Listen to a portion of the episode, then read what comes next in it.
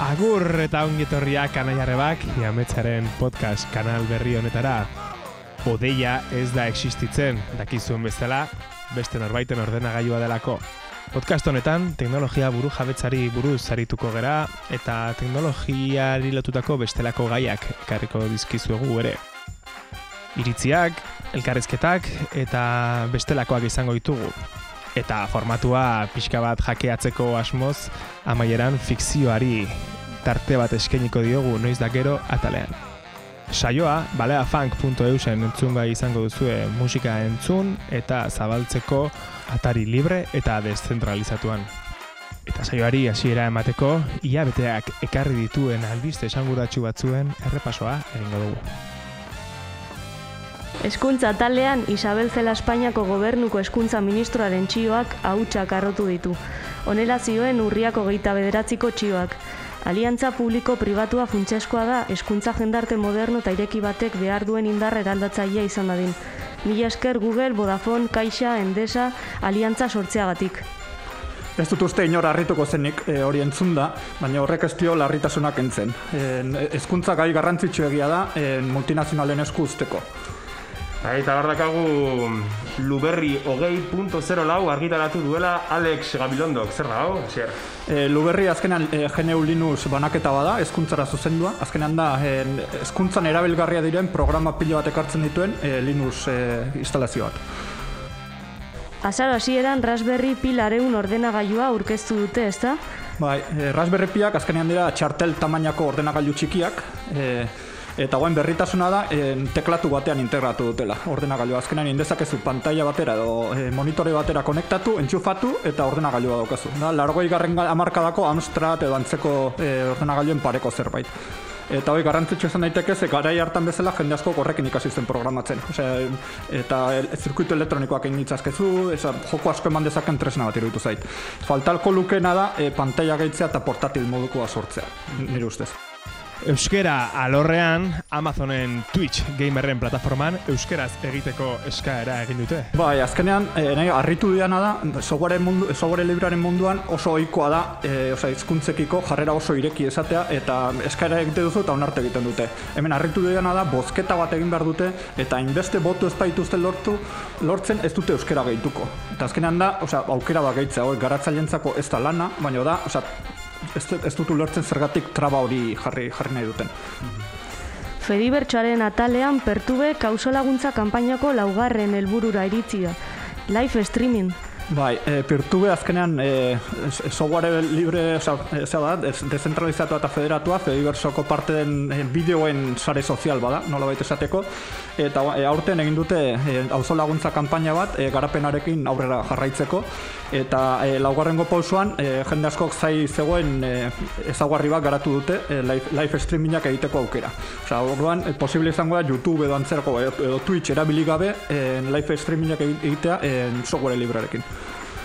Eta amaitzeko albiste berri bat Funkwellen euskal instantzia sortu dugu, balea funk. Bai, Funkwell, ba, azkenean da Fediversoko beste tresna bat, eda e, audio, e, musika eta podcastak e, biltzeko e, tresna bat. Eta hor, ba, sortu dugu instantzia bat, e, Fediversoko beste komunitate bat, euskerazko podcast eta musika biltzeko. Eta hor joango dira momentuz argiaren eta gure podcastak, e, baina ireki nahi dugu e, euskarazko sortzaile sortzaile guztiei. Eta zer egin barko luke erabiltzaile batek hemen bere podcastak igotzeko?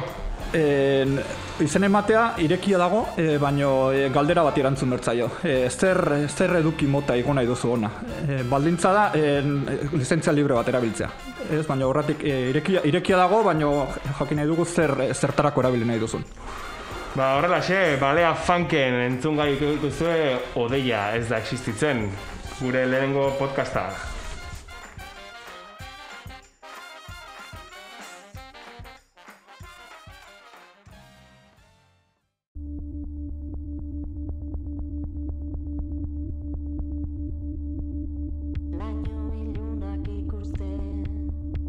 Ia bete honetan sakonean lantzeko gaia, Euskara bildua jardunaldiak eta honek emandakoak.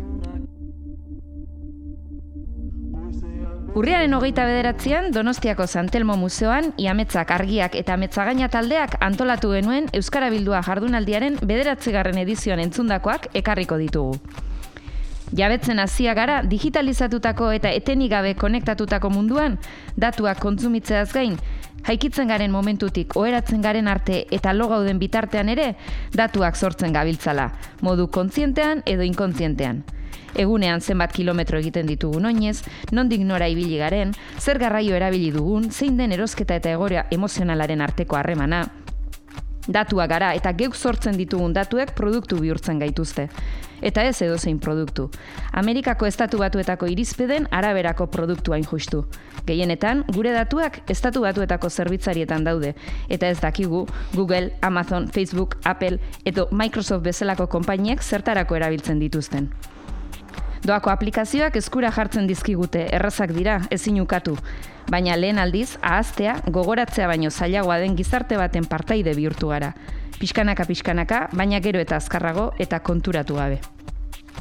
Jema Galdon, Bartzelonako Unibertsitateiko irakasleak esan zuen, anaia handia bat sortzen ari garela, baina anaia handi kutre bat. Jemak lozorrotik esnatzeko astindu bat eman zigun. Esan zuen, benetako arazo sozialetan eta horien soluzioetan pentsatu gabe, adimen artifiziala eta teknologia berritzaileetan inbertitzen dela. Arazo zehatza konpontzen laguntzen ez diguten zientzia fikziozko proiektuetan teknologia bitarteko baino helburu balitz bezala. Eta bitartean, gure datuak beste batzuek metatu irakurri eta aztertu ditzaten uzten ari gara. Zertarako, erosiko dugun urrengo jertzea aholkatu diezaguten? Eta bitartean herri edo erkidego desberdinetako hildakoen datuak ezin partekatuta gabiltza. Elkarrekin komunikatuko diren datu baseak eraiki ezinik. Azken hogei urteak, Silicon Valleyko eredu kontsumistaren araberako teknologia liluragarriak garatzen pasa ordez, datu base publiko eta teknologia aspergarriak garatzen pasa izan bagenitu, pandemiari osasun sistema elkar konektatu eta antolatuago baten bidez aurre egiteko moduan egongo ginateke. Marga Padilla, Dabne Kooperatibako kideak Euskara Bilduan esan zuen moduan, pribatutasuna eskubide kolektibo bezala ulertzen dago gakoa. Eta pandemia ezenatoki egoki izan daiteke datu buru jabetza lantzeko, datuen zaretzea eta homogenezazioa lortzeko, goitik ezarria etorriko ez den sistema bat eraikitzeko. Asko daukagu ikasteko, asko esperimentatzeko, baita eta bereziki eskolara joateko adinean ez gaudenok. Eta bitartean, zer hezkuntza ari gara eskintzen gure seme alabei. Mikel García argiako kazetariak esan zuen moduan, ikastetxaktako arduradunek, naita edo nahi gabe, alfombra gorria jartzen diote Google'i. Gure aurren datuak berriro ere Ameriketan daude. Baina berdin du, teknologiari buruzari garenean, irizpide kritikorik ez dago, pentsamendu kritikoaren zehazka izan beharko lukeen guneetan. Aurtengo euskara bilduak erronka berriak jarri dizkimu mai gainean. Elkarrekin garatu beharko ditugun erronka berriak ezin izan bazenuen jarraitu, euskarabildua.eu egunean duzu informazio guztia. Eta bitartean, gogoratu, odeia ez da existitzen, beste norbaiten ordenagailua da.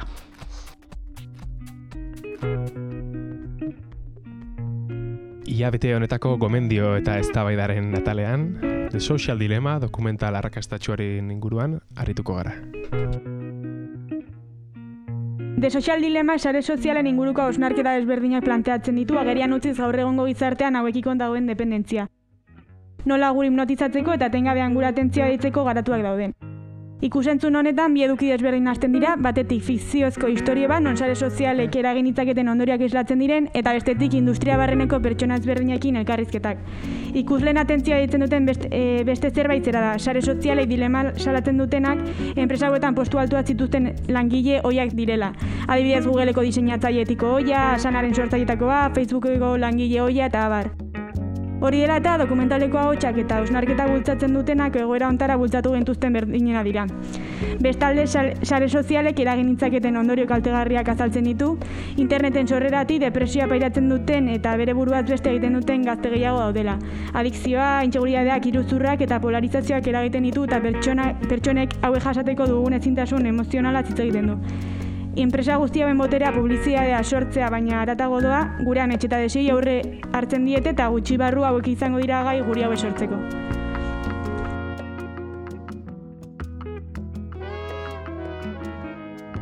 Arrakasta handia izan duen dokumentala da, batez ere guztiok bizi izan ditugun aldeak edo asaltzen dituelako.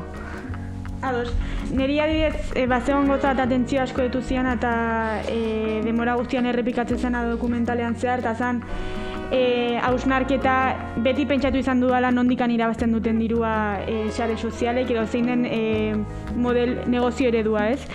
E, eta horre errepikatzen zen, produktua doainik bada, produktua zuzara, eta azkenean da nola e, doainik dan aplikazio bat, suposatzen da, baina azkenean zure datua saltzen ari zera eta zure burua saltzen ari zera, berai gero algoritmoak e, sortzeko eta baita ere bai berai moldatzeko beraien e, aplikazioa pixka bat zuri zuzenduta, ez? Beraien interesen arabera. Epatzen du tipo batek ezak dela bere izena, idatzi zuna liburua e, mm, amarra arrazoi zure esare sozialak bimetiko ezabatzeko, orain bertan.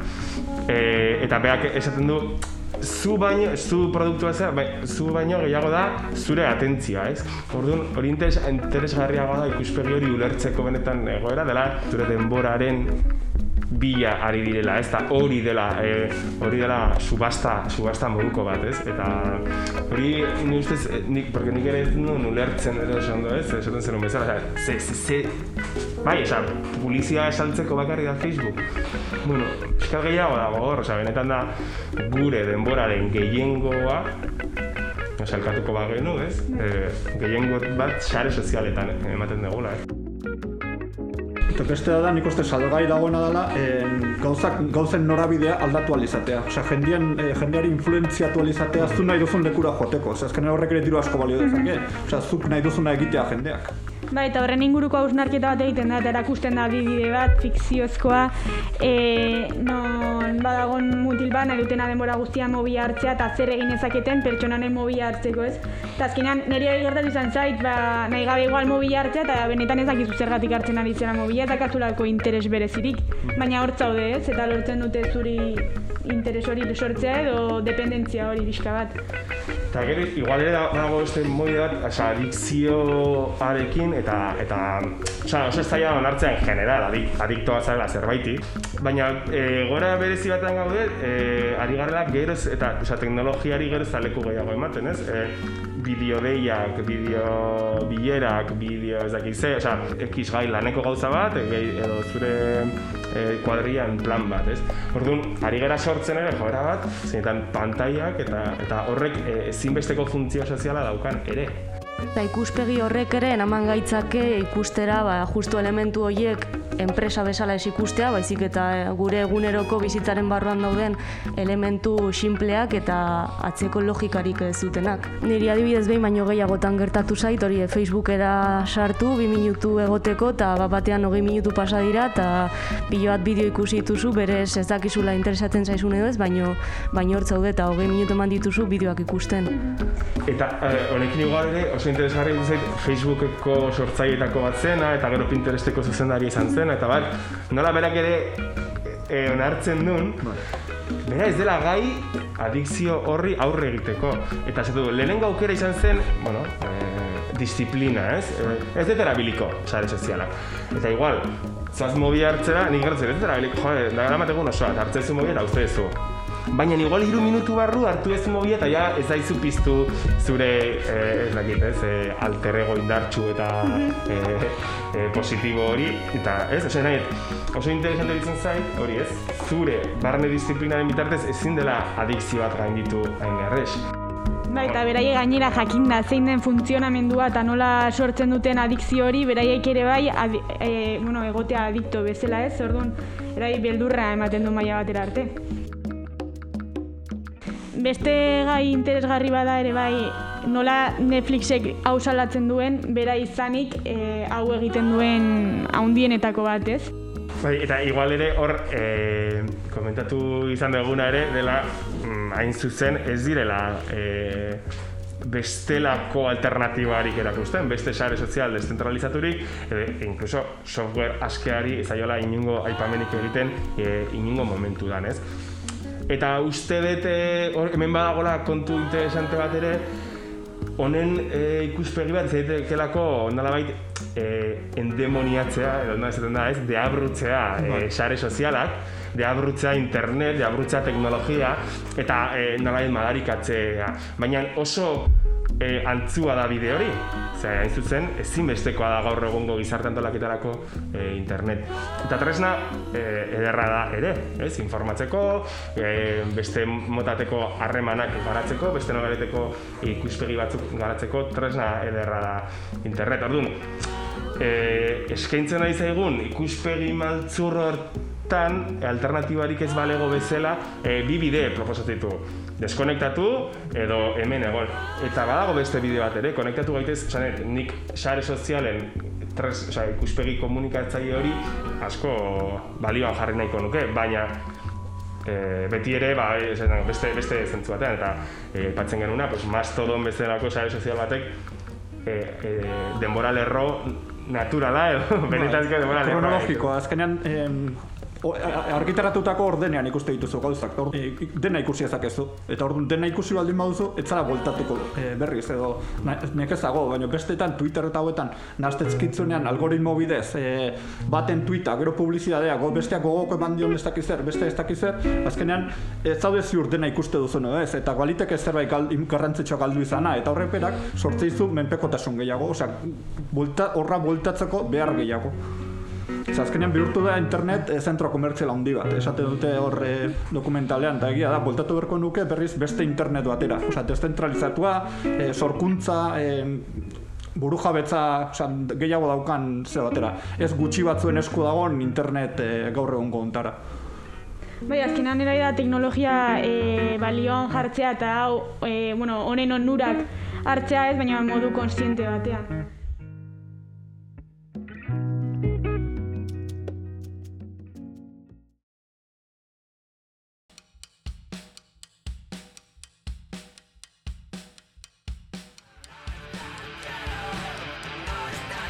Oinordekoa.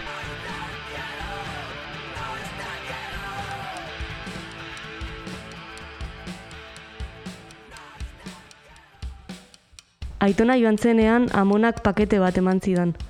Paketea baldarki bilduta zegoen, papera zimurtuta eta mutur irregular eta markekin. Aitonak hau utzi du zuretzat. Pakete eman zian isilik, bere begi galduak niretan iltzaturik zeudela.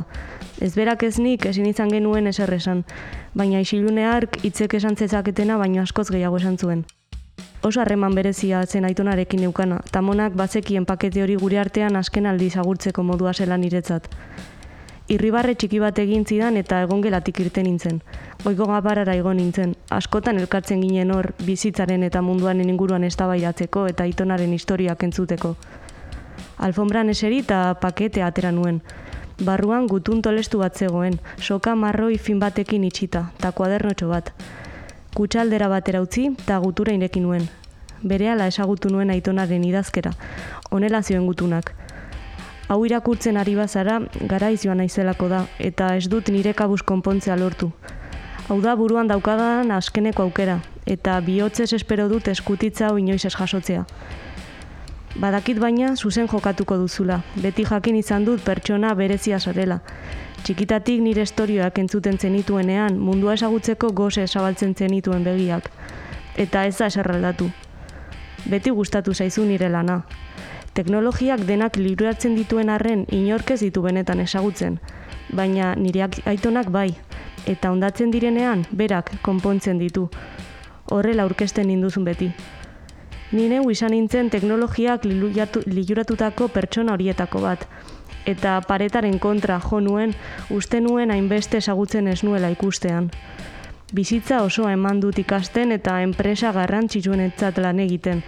Eta orain konturatu naiz, oinarrizkoa den zerbait astuta izan dudala beti. Baina tira, hasi gaitezen hasieratik.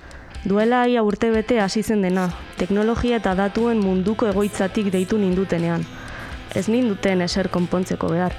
Inoiz asmatutako ordenagailurik indartsuena diseinatzeko nahi ninduten. Munduko gainerako ordenagailuak eta gailuak kontrolatzeko gaiden ordenagailu zentrala. Fikzioa iruditu daiteke, baina hiru hilabete eskaz behar izan dituen gailuak sortzeko. Jada existitzen diren tresna baliabide eta informazioa gurutzatu besterik ez nuen egin behar izan. Eta multibak izen eman nion gailuari. Astian eukanez, ondo zebilela egiaztatu arte, eserrez esatea erabaki nuen. Harrigarria zen, multibatkek munduko gailu guztiak zituen eskuragarri. Irudika dezakezu zenbat informazio den hori? Informazio guzti hori bildu, sailkatu, tantolatzeko gai da. Eta horrekin burura datorkizun edo zer gauza egiteko gai da. Egungo erronketako batzuekin egin nuen froga. Adibidez, multibakek biltzen dituen informazio guztiarekin iritzi publiko unibertsala esagutu dezakegu, pertsonei zuzenean galdetu beharri gabe. Galdera guztiei erantzuna multibak berak ematen zituen. Horri esker ez da hauteskunde beharrik izango, une realean jakin dezakegulako herritarren iritzia. Bestetik datuetan oinarritutako pertsona eredu guztiak sortzeko gailda multibak. Hain dira zehatzak egiten dituen ereduak, pertsona erreala beraren ekintzak aurri ikusi daitezkela horrekin. Krimenak aurri ikusteko almena ere erakutsi du multibakek. Kutsa bertan daukasun kuadernoan dituzu egin dudan froga bakoitzari dagozkion argibide guztiak. Arazoa duela hilabete batzuk agertu zen. Multibakek nortasun propioa garatu zuela konturatu nintzen, hilabete hauetan elikatutako informazio guztiaren ondorioz. Bere kabuz jarduten du, interes propioa garatu ditu, postu eta sarretu iten da. Jasotzen joan den informazio guzti horretatik emozioa garatu balitu bezala da. Gizateriaren historiako datu base eta kudeatzailerik handiena bihurtu da multibak. Ordenagailu zentral bat baino askoz gehiago giza jarduera kontrolatu eta zuzentzeko gaiden gailu bat da orain. Eta nortasun propia dauka. Konturatu gabe, gizakiarenak baino handiagoak diren gaitasun eta konplexutasunak dituen makina bat sortu dut. Eta jada ez daukat bere gaineko kontrolik. Arazo baten aurrean, hau izango litzateke konpontzen ez dakidan lehenengo makina. Lehenengo aldiz erantzuna ez dagoelako adimen artifizialean, giza adimenean baizik. Urtea bukatu aurretik aurkeztu beharko nuketetmen egoitzan multibak. Baina makina aurreratu egin da eta aurkezuko nuela jakin duenean klonazio bat sortzen ari da beste terminal batean. Prozesuak aste batzuk iraungo ditu, berak ezin duelako bere eskuekin eraiki, eta lan indarra beti da motelakoa badakizu. Beraz, egun batzuk ditut aurretik erabaki hartzeko. Gizakiak inoiz eduki duen jakintza tresna aurreratuena behin betiko sortu, baina arriskuan asumitu. Edo, itzali eta onartu badirela inoiz pasagabe utzi beharko genituzken muga batzuk. Oraintxe ez dakit zer egingo dudan, baina bada ezpada idazten dut gutu nau. Nik ez badut gelditzea lortzen beste norbaitek egin dezakelako. Azken batean, multibak ex da existitzen. Beste norbaiten ordenagailua da.